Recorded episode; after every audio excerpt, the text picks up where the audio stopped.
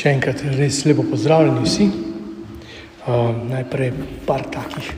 Dobili ste uh, knjižico, uh, družinski dnevnik oziroma dnevnik družine, to je črta, doma podpišite, če boste naslednjič prinesli, da se potem ne zgubi, oziroma lažje zdaj podpišete, seveda. Uh, Pozdravljam ste dobili uh, namišljen kuli, ki, ki smo ga pozabili, tako da boste sami poskrbeli. Sem skrb 100%, da imate kak pastirje v kuli doma, upam, da imate. Uh, knjižica je kot spodbuda. Uh, letošnja tema bo to, kar je papež naznano, da bo prihodnje pastoralno leto posvečeno leto molitve. In bomo tudi mi šli skozi molitev. Da pa čisto na kratko o knjižici, nekaj pravil imate noter zapisanih, pač ta uvodnik, pa spodbuda, pa navodila so mišljeni, da se preberete. To ni za otroke, to je za vaju dva, za vas da to da greste skozi, tudi o zakramentih piše, eh, pa kar takega. Potem imate pa oranžno obrobo, imate pa uh, črtalnik za te DK srečanja, kateheze, pač nekaj malega, da si zapišete. To je oranžno. Pol imate rumeno, pesmarica, lahko tudi koristite doma. E, malo je tako za razvedrilo, pa okrepčilo zeleno plava, so razni članki, misli, papeže na to temo. Potem imate pa vijolično, so pa priprave, pomoč, molitve in pa uh, zakramentali, torej kakšne pobožnosti, uh, predvsem pa tudi uh, priprava spokojno bogoslužje, priprava na spoved za vas, za otroke. Um, spodbude, pobude za družine imate oranžno, uh, tam od strani 67 naprej, torej ni več na spletu, ampak imate tukaj za vsak mesec pobude, uh, izbirno je, se to veste, glede pobude. Uh, mišljeno je, da si vsak teden, aha, predvsem za družine, ki ste letos prvič, mišljeno je, da vsak teden si družina izbere nekaj, kar bo rdeča nič skozi njihov teden. Recimo, da imamo zdaj oktober, imamo, pripravite si kostanjev piknik, na piknik lahko povabite tudi družino, drugo družino iz DK, družinske kateheze, to je en predlog, potem pa izkusite popoln odklop, priredite si večer brez elektrike. To ne pomeni, da zdaj en mesec ne bo luč gorela pri vas, ampak ne zdaj terorizirati otroka, pa moža ali pa žene, ampak pobude so. Pa tudi ni to mišljeno, da bi mogli vse opraviti, ampak je dogovorite se. Dajte tudi možnost otrokom, da oni izbirajo. Mogoče pa celo kako na, na, na podlagi te pobude pripravite kako svojo lastno pobudo, ki bo vam še boljša. To so samo primeri, eh, kakšne so opcije. Pomate pa modro, eh, dobro, rumeno vmes so še kontakti pomembni, in pa modro potem je pa tisto uh, nedeljski dnevnik, ne, dnevnik Božje besede. Imate QR kodo, uh, vas pelje do Maurice, to bi vam svetoval, da si pred nedeljsko mašo pogledate. Cimo, to se začne na strani 84, za vsako nedeljo. Uh, je Maurica pripravila uh, dvominutno, triminutno razmišljanje na nedeljsko Božjo besedo, si lahko že v soboto ali pa kdaj med tednom si pogledate, kaj bo v nedeljo. Pa nič več ne, ne rabite, ali pa tudi, kakor hočete. Nedeljo bo otrok spet slišal, ko, ko rečem otrok, mislim tebe. Zato, ker bo tebi v pomoč, ampak se zgovarjam na otroke, ki ne poslušajo. V bistvu pa danes ne veste, iz katerega evangelija je bil evangelij. Ali pa tudi veste, izzivam, samo malo, fajn je. Uh, In za vsako nedeljo potem imate pa pomoč vprašanja, kaj ti je bilo danes premašil, fajn, kaj te je motilo, lahko otroci povejo. Pač imate te okoliščine, pa pa še vprašanje, kaj ti je Jezus povedal. Zdaj tu, ko imaš, recimo, si predstavljam, da imaš kakega pubertetnika, meni nič. Pa briga se zase, kaj. Mislim, to meni kaj v tebi. Bote pripravljeni na te stvari, ne jih spet matrati, ampak uporabite kako drugo vprašanje, kako drugo. Zdaj, če te ustrajno to delali, mogoče na nežen način, na mili način, tudi pred nedeljskim kosilom, ali pa po, lahko, pride do kakih odmevov. Ker večinoma, ko, mi, ko se starši pogovarjam, večinoma otroci slišijo. Mi sicer pozabljamo sproti, ampak tudi mi slišimo. In če te kdo spomne, a se ti posveti. Lahko je kak trenutek iz razmišljanja, iz pridiga, iz pričavanja, odbir, karkoli. Teda vas vabim, da že danes ali pa jutri recimo, se, ali pa ta teden se vrnete na današnjo mašo, Kaj se spomniš od Maše? Dolga je bila. Okay. Ne pričakujte od 14-letnega poba, da bo rekel kaj druga, ko pa, pa župnik ni nehal. Redo. On pač to more reči, ampak v enem letu, bo kaj, ko bo že sam sebi tečen, bo mu že kaj druga prišla na misel. Še kakšna stvar, ki jo je slišal, kam je bilo zanimivo in podobno. To je ta plava, polje pa so pa še datumi, aha, na koncu imate nalepke. Kje so pa datumi? A, datumi so pa čisto na začetku, pardon. Datumi so pa na naslovnici na začetku. Uh, družinske kateheze, pa rad živimo, pa, pa še kakšne druge pomembne zadeve. Teda ta knjižica je zdaj vaša, na družino, naj vam bo v pomoč, pa naj vam služi. Ne bomo preverjali domačih nalog, ni za to, ampak je v pomoč mišljeno. Ok, tako, zdaj bi šli pa naprej na današnjo vsebino. Uh, jaz sem ga poimenoval molitev za telebane, pa ne mislim žaljivo, sliši se tako, poznate one uh, priročniki, ko so za telebane. Tak je mišljeno. Potem pa če reči prevedel sam sebi za začetnike. Da ne bi, zato ker se veliko krat obnašamo kot začetniki, če, tudi odraslega kdo vpraša, kako pa kaj, si kar zadregi, v bistvu pa smo eksperti za razna razna področja, pa čeprav se na nič ne spoznamo, kako bi država mogla, kako bi oni mogli, kako bi župnik mogel, kako bi zdravnik mogel, kako bi učitelj mogel. Smo kar vsi eksperti, ko te pa kdo recimo vpraša tako osnovna tema, kot je molitev, smo pa kar, o, to pa ne vem, pa kdo bi, ne se bat. Uh, zdaj, ko pri, spomnil sem se, ko sem prišel na temo molitve, sem se spomnil enega duhovnika, starejšega gospoda, ki je imel kar hude zdravstvene težave, pa niso vedeli, kaj pa kaj, ker tako je bolehal, pa zdravniki, pa iskali, pa niso pogruntali, na, na kar po par letih pogruntajo, da ni žen. On nikoli ni žen, nima občutka žeje.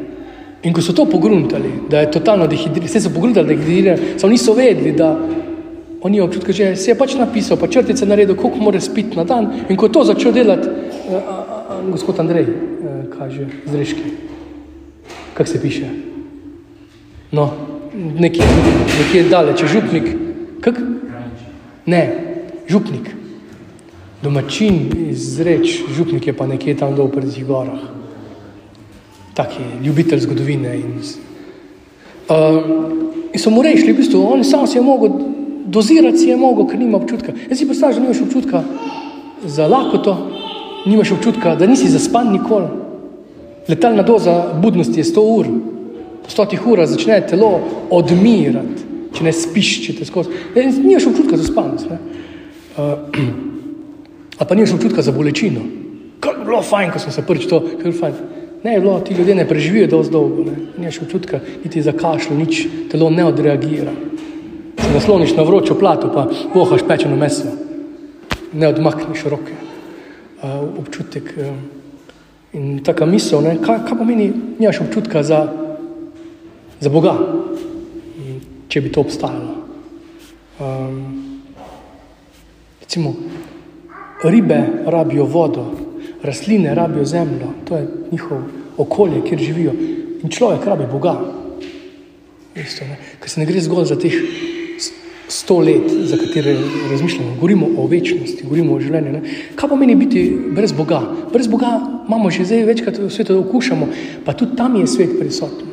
Tudi v najhujšem peklu, ki se zdaj v Izraelu dogaja, pa v Ukrajini, pa marsi kakem domu, pa kje še, Bog je prisoten. Ampak, recimo, če si predstavljamo življenje brez Boga, kako kak hudo mora to biti. In se ti zdi, to pa res ni Boga. Ampak to, zdaj si predstavljaj, ne samo teh sto let brez Boga, večnost brez Boga, kaj, kaj, kaj za sabo to potegne. Um, in zato vprašanje, kako pa priti do Boga? Zdaj, prid samo potrkati vsako nedeljo na obisk, prid, ne vem, mislim, vse je lepo. Če si enkrat na teden na obisku, to je že kar, ampak vseeno. Zdaj se vprašam, kako priti do doktora dan danes, ko so take vrste.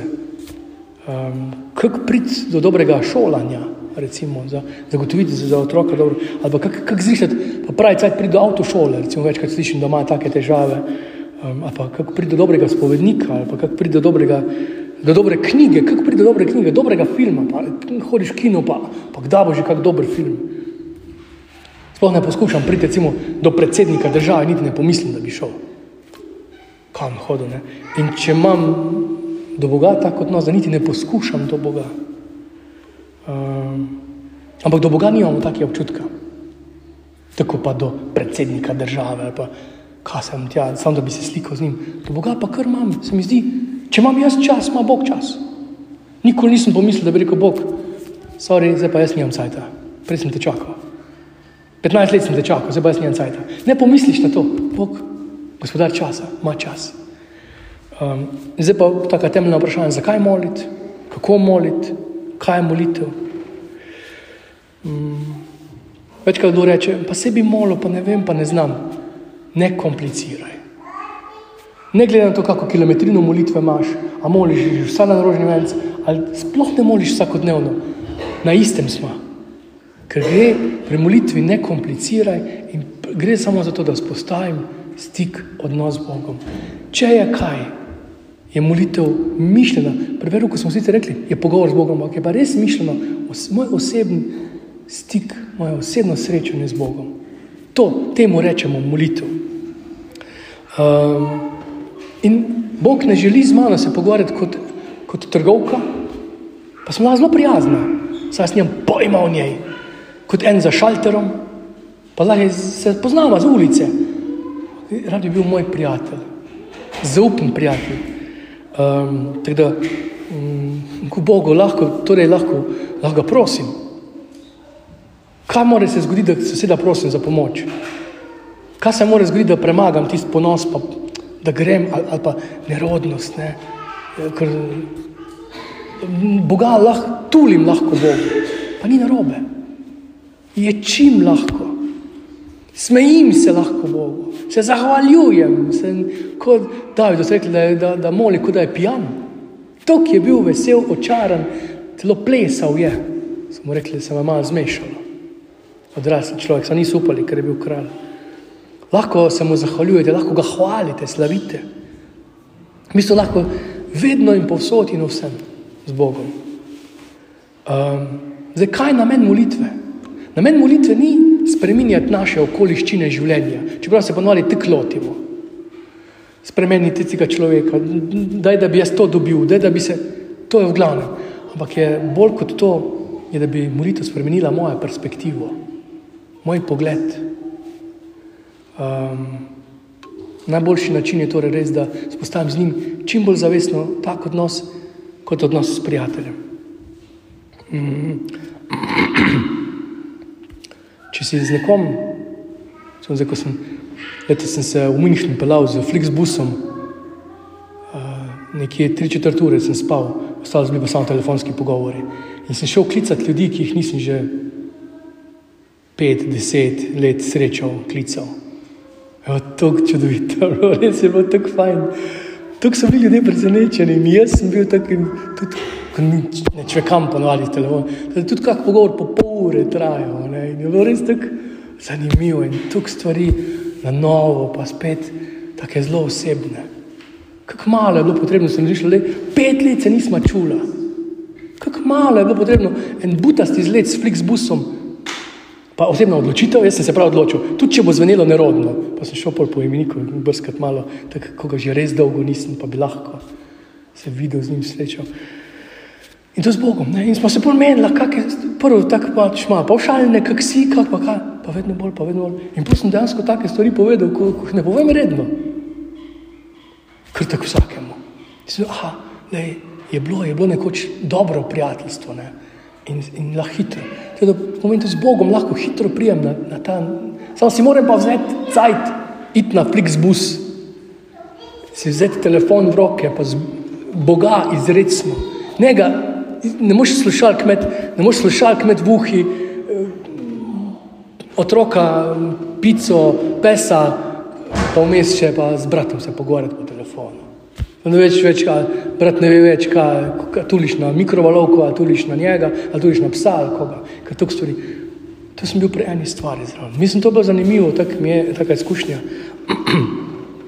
In lahko potem poveš dansko take stvari, od, od razočaranj do lepih stvari, globokih in tudi Boga. In tu bi rekel, uh, čisto taki mini na sveti, ni napačne molitve. Tako otrok, ko shodi, ni napačne shoje. Pač, zdaj smo čisto srečni, ko lov razhodo, pa kakorkoli eh, klobaca okrog, ni na, vse bo še štrbunkno. Normalno, če je, koliko je star, 12 mesecev. Koliko? 14.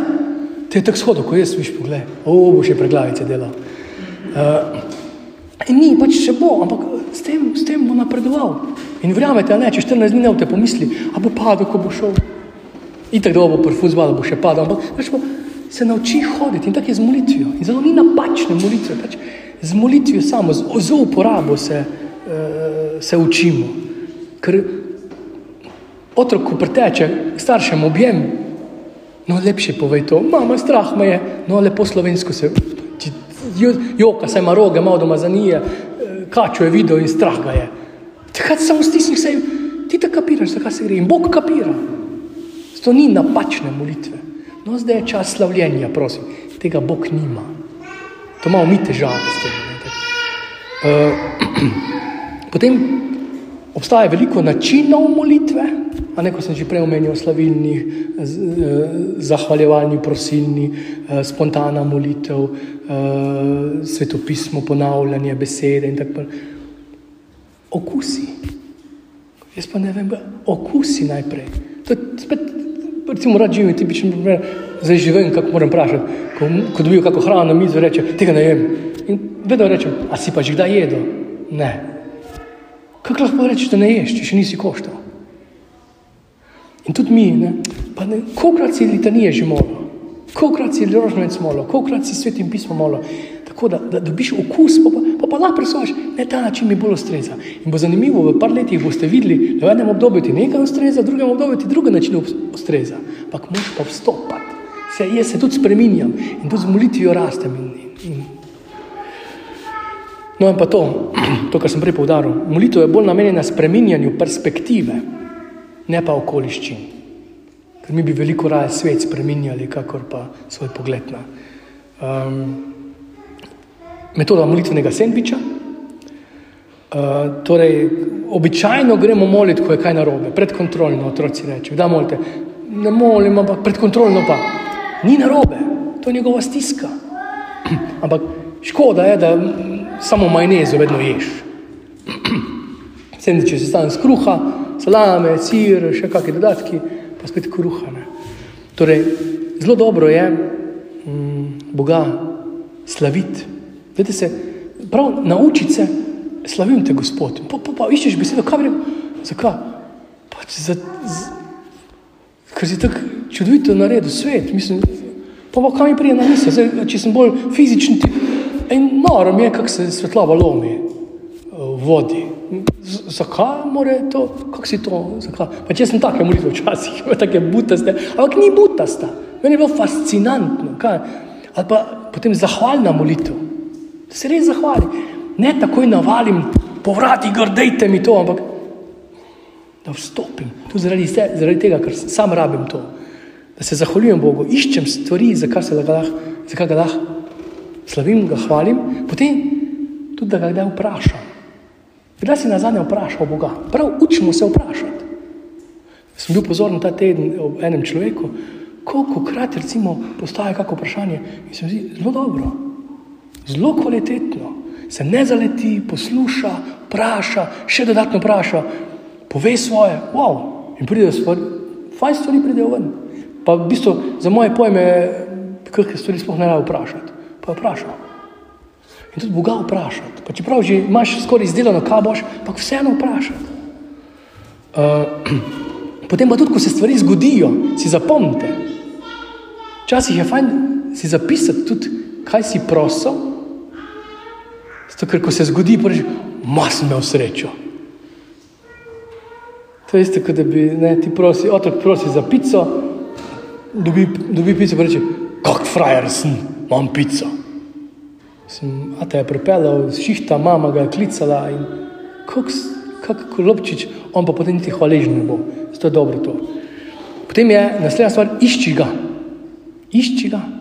Pač, Bog ima finte, včasih se ne razdene takoj, ne razdene se na tak način, kot bi jaz rad. Tudi dela se, da gre dalje, če se spomnite, emos. Potem, recimo, ko se kakšne stvari zgodijo, ga pohvalite. Bog dobro si to naredil. Pa se Bog ne rabi pohvaliti. Samo, vedete, kako že imam paše, če jo zelo pohvali. Pa ne, da bi Bogu pasalo, ampak meni se je fajn zdi, ko lahko ga pohvalim. Svojega soigralca bom pohvalil, mislim, če je dobro, dobro to bilo, dobro. V, v dobri navezi sem. Hmm. Potem molitev za druge, da se ne vrtim samo okrog sebe, svojih občutkov, molitev tudi za druge. Um, da vidim žalost, da vidim trpljenje, da vidim stisko. Potem pa za konec tu v tem delčku, lahko se otresete crkvenične govorice. Vse mogočni stvarnik, Bog vesolja, in če to ni tvoj, če pa čutiš to, lahko. Sicer pa eni rečejo, očka, eni rečejo, jaz, jaz ne morem, tako, ampak dobro, Bog, mislim, to pa kar samo gre ven. To, kar tebi pride ven, to, kar lahko uporabi, to govorico, ki jo ti uporabljaš. In tudi, glede na to, kak si, to se ti spremeniš. Ne, ta molitev ni popolna, ampak se pa razvija, z leti se razvija. Tudi besedne zveze se spremenjajo. Najpomembnejša stvar glede molitve pa je, ne boste vreli, da začneš. Ne iščite boljših okoliščin. Kaj popolnih okoliščin? To ni sanjska poroka, to je srečanje s prijateljem. In zdaj smo še nismo, mogoče tako prijatelji, nismo še na ti, lahko postanemo, ampak začni. Um, pač ta misel naj bo, Bog me ljubi, to si lahko ponavljaš, Bog me ljubi. Ja, pa jaz ne čutim, otrok tudi večkrat ne čuti. Še celo reče staršem, nimam te rad, ti pa trpiš, ko ti to reče, to si pa naredil zato, ker ga imaš rad. On ti pa celo reče, nimam te. In tvoja ljubezen ni odvisna od njegovega vračanja ljubezni.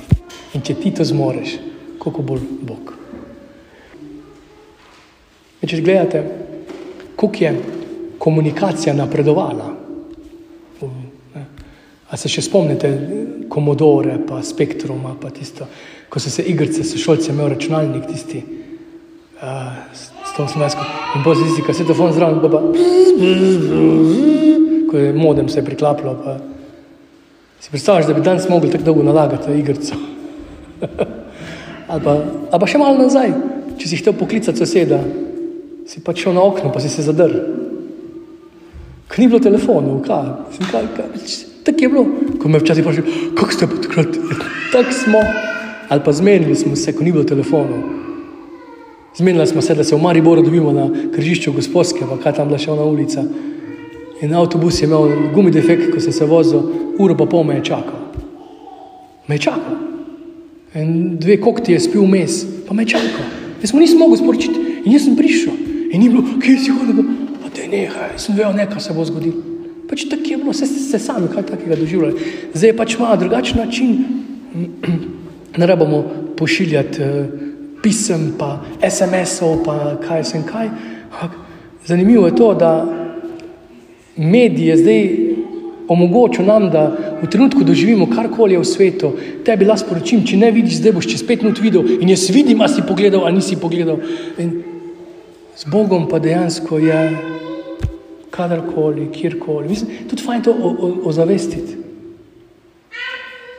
Bog ima vedno čas, pa ne bi rabo imeti. Ne samo to, ta fenomen, kako lahko, če ga eden v Afriki prosi, pa je istočasno.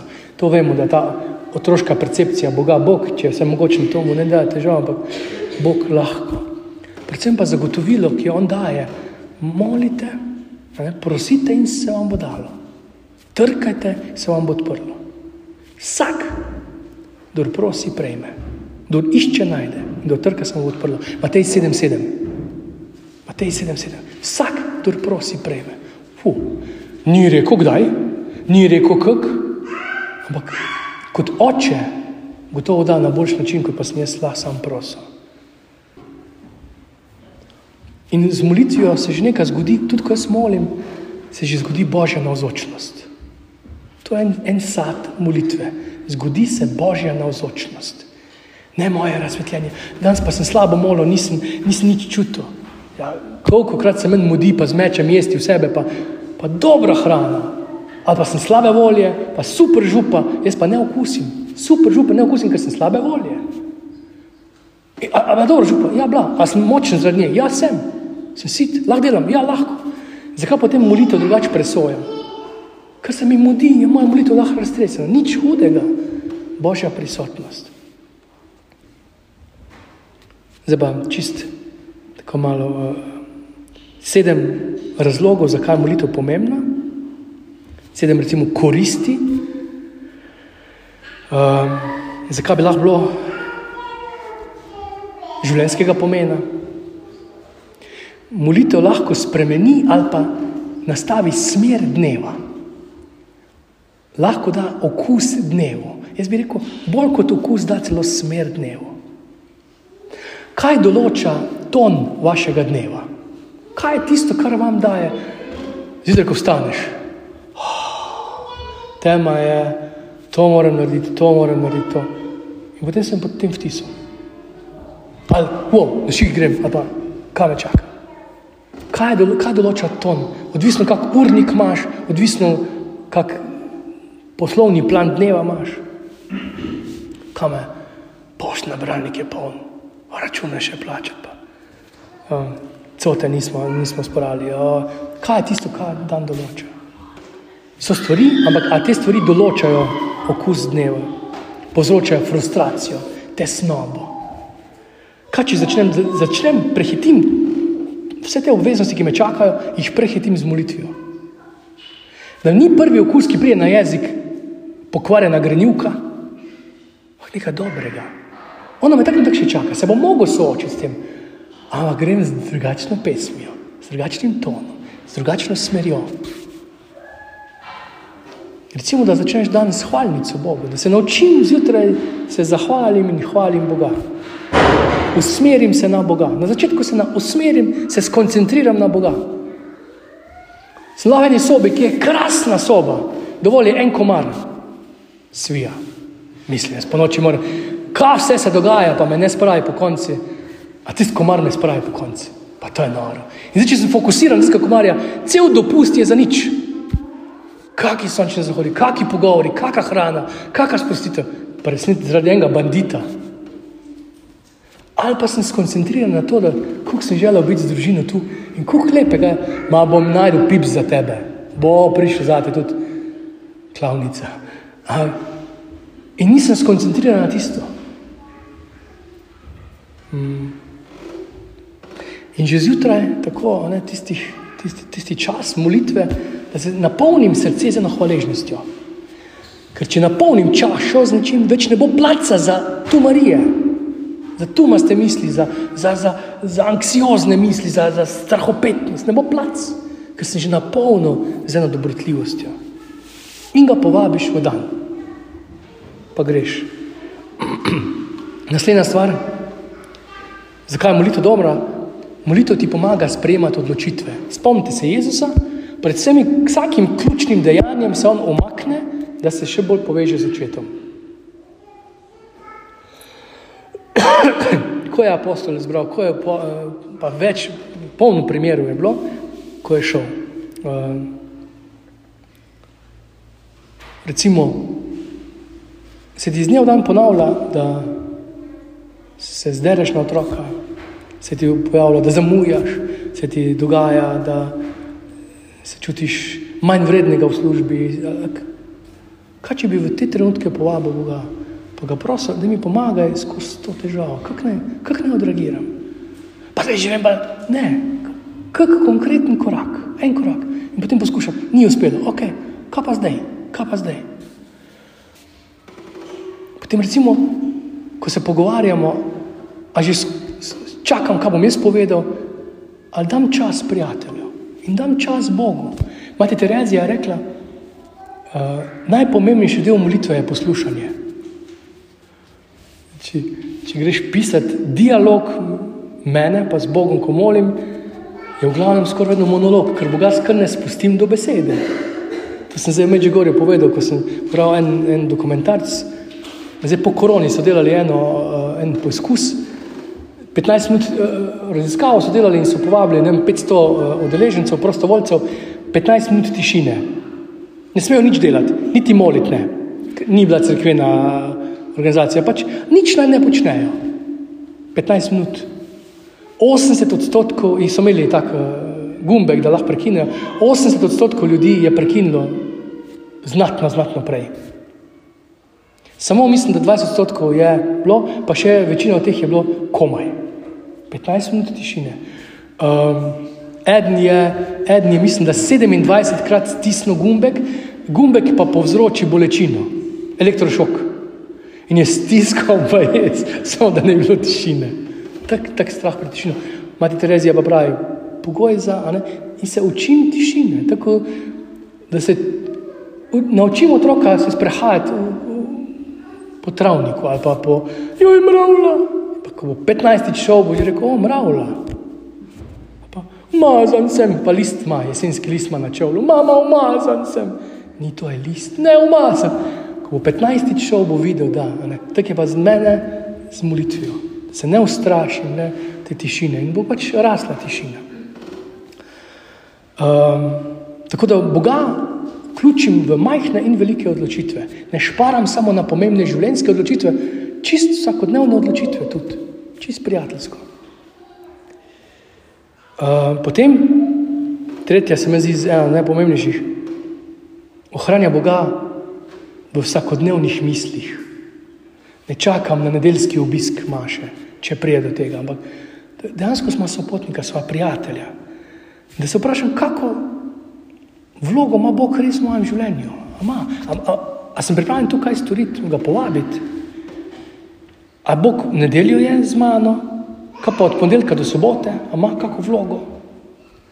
Mm, dan, recimo 168 ur ima teden.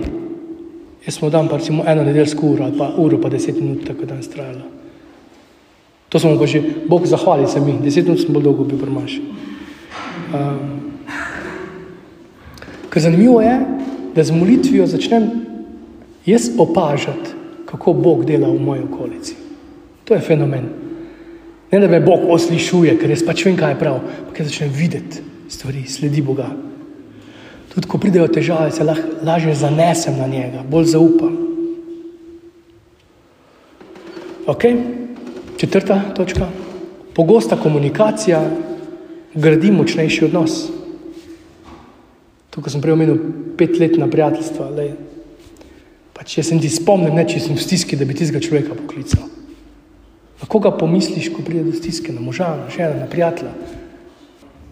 Močen odnos, razvijanje močnega odnosa zahteva pogosto komunikacijo. Jaz pravim to čez dan, tako male bucike. Trenutke, ko pogledam skozi okno, se zahvalim, ko tja ga prosim. Pač, ko pride asociacija, tisto misel izročam Bogu. To pride tako potem eh, nekje spontano pride do tega. In tu vas vabim, da ne bi opravljali molitev kako občutek je, da te nekdo pokliče, pa reče, no, zdaj sem te poklical, si zadovoljen.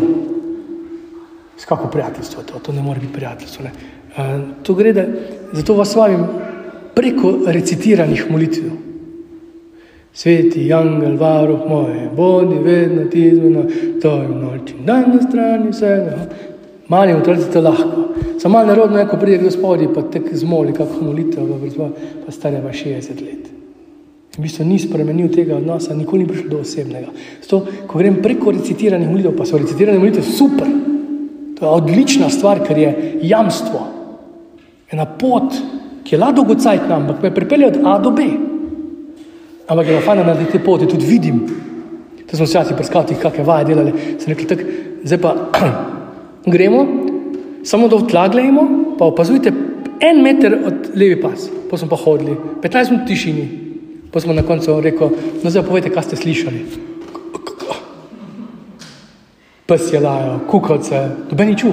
Vsi so gledali papirčke, regrate pa to. Se... In v življenju se nam marsikaj dogaja, ko smo fokusirani samo na eno stvar, kak sem Bog, kak se mi mudi, to sploh ne vidim lepoti vsega tega.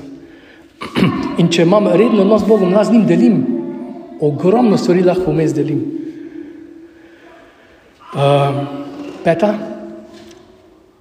dejansko podrediti vsakodnevno, um, mislim, podrediti svoje srce Bogu, izročiti svoje srce Bogu. To ni enkratno dejanje. Tako vajna poroka ni bilo enkratno dejanje. Bi že zdavnaj svrčalo vse skupaj, upiš me uho, tudi videl, ko ste se lani uženili ali predlani. Če ni ponovne potrditve, in to je isto. Um, dejansko gre za disciplino. Pri molitvi gre za disciplino. Izročam svoje srce v Bogu. Da se tudi v kakšni stvari odpovem svoje volji na račun Božje volje. Šesta. Izmoljena molitev je v bistvu odgovor na našo molitev. Kakorkoli se to čuje. Izmoljena molitev je odgovor na eno predhodno molitev. To, da se je nekaj zgodilo, je šlo skozi eno sito molitve in šele skozi molitev jaz vidim, kaj se je vse skupaj dogajalo. To ni bilo en. Tak, Bog ni juboks. Sem že prej omenil, on deluje na svoj način, po svojem času. Ne na moj način, po mojem času. Ampak mi odgovarja. In ko, ko je izmoljena molitev, je v bistvu cela ta molitev odgovor na tisto, kar se je že pletlo prej v najnih molitvah.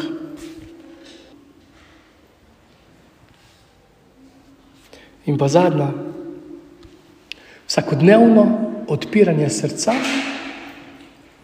Bogu omogoči, da spremeni moje srce. To se mi zdi, to, kar sem rekel, Bog ni jukebox. Bog ni transakcija. Jaz položim nar, pa pa lahko plačam to. Pa zlah pa to pa to privoščim.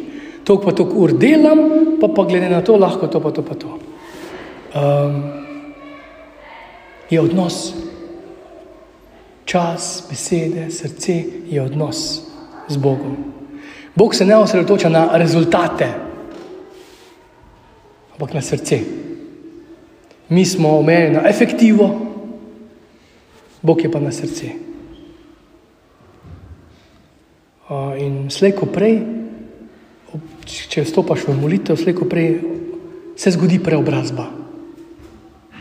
Preobrazba srca, ki se kaže na, tudi na obrazu, na besednih izrazih, na odločitvah, na odnosu do okolice, moža, žene, otrok. Zato je res tak uh, izziv uh, za tako odločitev stopiti na pot molitve. Mm, bi vas povabil v tem letu, ki je pred nami, tako ob zaključku zdaj jaz zaključujem, da bi se ne učili o molitvi, ampak da bi se učili z molitvijo. Se mi zdi bolj pomembno, um, priložnosti je ogromno, pobud je ogromno, potreb je ogromno, razlogov je ogromno. Mi smo zelo različni, tako da lahko stopi vsak na njemu primern način molitev, in pa, ker smo družinska kateheza, kako narediti, da bi tudi otrok lahko sprejel to molitev. Eni to že počnete, eni morda se odločate, eni ste probali, pa ni šlo. Vsi smo odrasli v družini, spomnite se, meni je bilo muka moliti. Uh, hvala Bogu, nismo veliko molili. Uh, ampak mi je zelo žal. Zelo žal mi je, da so moji starši prekinili s to molitvijo, ki so jo bili sami še deležni, kot, kot so bili otroci. Moja bica je z svojimi otroci molila, pa deda so molili, pa se pa ni preneslo naprej. Jaz mislim, da je tu čas, da tudi tu vrnemo nazaj molitev tja, kamor spada. Torej, prijateljstvo z Bogom, ne rabi biti molitev, prijateljstvo z Bogom vrnemo tja, kamor gre. Mi ne moramo biti katoliški ateisti.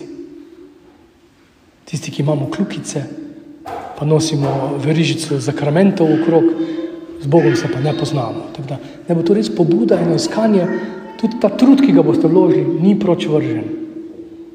Da se vam bojo pa mulci upirali, je pa jasno. To morate vnaprej pričakovati, pa iskati načine, jih vključevati, biti znedljivi, ljubezen najde pot. Pa res kličem blagoslova na vaše delo, na vaše družine. Pač vam povem, brez molitve vaši otroci ne bodo poznali Boga. To je dejstvo.